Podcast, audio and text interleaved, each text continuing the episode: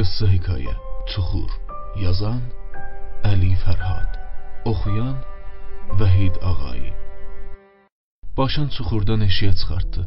Çifçələnmiş saçları, uzanmış saqqalları və çirkəlmiş kanva börkü ilə kanva köynəyinin yaxası balaca lampın işığında görünürdü. Kimdir? Nə işin var? Cəbrayıl əmi, mən Narın xalanın oğluyam. Bu aşı anam yolladı. Özümüzə aş qoymuşdu, dedi Cəbrayıl əmiyə də apar. Sağ ol. Qoy ora gəlim götürüm. Bir əlini uzaldıb kasanın qırağından yapışdı. Kasa başına dək doluydu. Barmağının ucu isti aşağıda idi. İsti barmağının ucundan içəri girib az da olsa canı qızışmağa başladı. Xoşuna gəldi.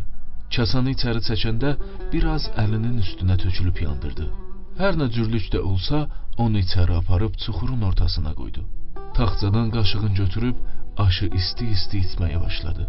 Aşı tez-tez içib dibində barmağının ucu ilə silib yaladı. Barmağın şalvarına silib kasanı çuxurun eşiyinə qoydu. Çuxurun naylon pərdəsini bərkidib, özün əskilmiş bir pətuya çurqalayıb qıçların qarnına yığdı.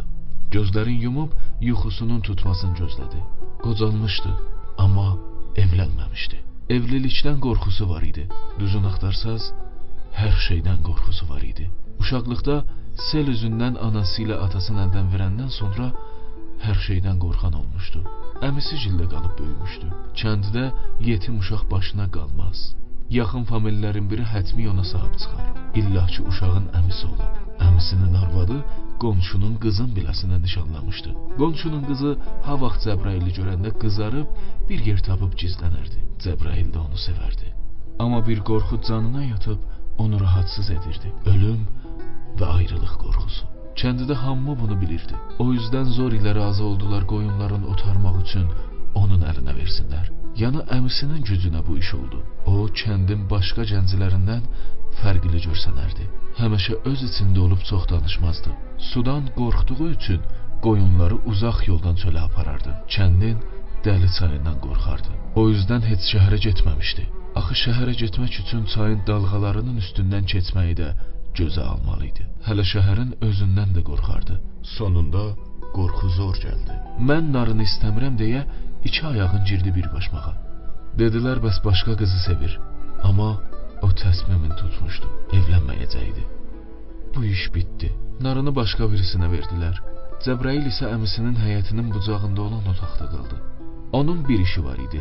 Gündə səhərlər qoyunları çölə aparıb, gecələr evə qayıdardı. Cəbrail ayaq səsin, sonra da kasanın səsini eşitdi. Oğlan gəlib hər gecə yetək kasanı aparırdı. Cəbrail özünü daha sıxıb canın qızışdırmağa çalışdı. Biləsin bir yuxu tutsaydı. Gözlərin dam azillədi. Dam deyəndə bir qalın naylon idi, bir girdənə çuxurun üstünə çəkilmişdi. Dövrəsini daşlar ilə bərkitmişdilər. Ortaya da bir sütun. Beləliklə yel onu qopara bilməzdi. Naylonun çirk olduğuna görə göy görsənmirdi. Çuxurun nə pəncərəsi var idi, nə qapısı. Qapı yerinə bir tərəfi biraz çox qazıb bir girdənə yer açmışdı. Köhlün girişi kimi. İçəridə bir lamp yanırdı. Bərqi yan qonşudan çəkmişdilər. Çuxurun içində, daha doğrusu Cəbrail əminin evinin içində bir qaşıq, bir boşqab, bir piçaq, bir qənd qabı və bir livan var idi. Var yoxu bu idi. Onları da qonşular vermişdilər. Cəbrail əmi sonralar duvarı qazıb bir taxta çıxartmışdı. Çuxurda iki nəfər zor ilə otura bilərdilər. Çuxurun çox alçaq olduğuna görə ayaq üstədə durmaq olmazdı. Cəbrail əminin altında bir çuval, üstündə isə bir cırıq pətu var idi. Onun dünya malı bunlardan artıq deyildi. Yel əsəndə naylonun yanlarından soyuq daha artıq içəri girirdi. Elə ömrü də yel kimi keçdi. Əmi öldü. Amma o elə onların evində qaldı. Haman işini də gördü. Hər nə olsa millət işindən razı idilər. Onun qorxularına adət eləmişdilər. Narinə hərdən görərdi. Narinin bir bollu uşağı olmuşdu. Amma Cəbrail qorxudan ona baxmazdı.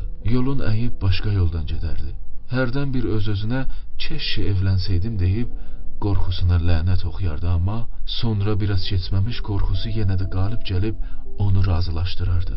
Öz-özünə nə cür xərcinin öhdəsindən gələcəydim, bəlkə ölüm, bəlkə çıxıb gedəydi deyib özün razılaşdırardı.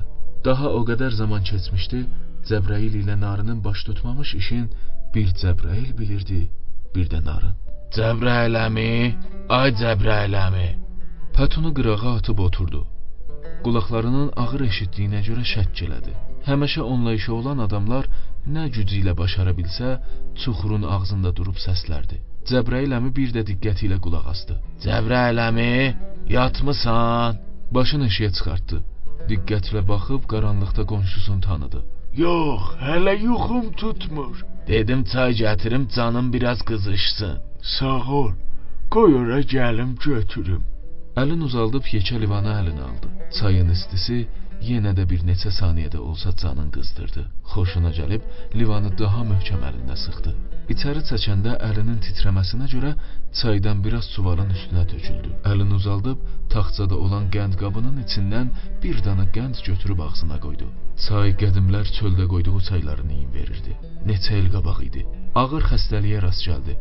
O üzdən qoyunları bir neçə gün çölə aparmayınca kəndin əhli bir gənc çoban özlərinə seçdilər. Cəbrayıl əmi bir-iki həftə sonra düzəldi, amma bir daha qoyunları çölə aparamadı. Kəndin əhli aydan aya ona bir balaca xərclik vermək istədilər, amma o almadı. Kimsəyə möhtac olmaq istəmirdi. Bir başqa işdə görənmirdi. Azca qalmış pulları da xərcləndi. Qonşular biləsinə yemək aparırdılar. Görərdim bayramdan bayrama bayramlıq üçün köynək, şalvar alardılar. Amma bundan artıq istəməzdi. Livan boşalmışdı, amma əllərinin içində saxlamışdı. Son istisində içinə çəkmək istəyirdi. Livan soyuyandan sonra onu çuxurdan eşiyə qoyub yenə də uzanıb pətunu üstünə çəkdi. Gözlərin yumub daha artıq sıxdı. İstəyirdi tez yatsın. Yerin bir balaca titrəməsini hiss elədi. Bir il qabaq axşam üstü idi.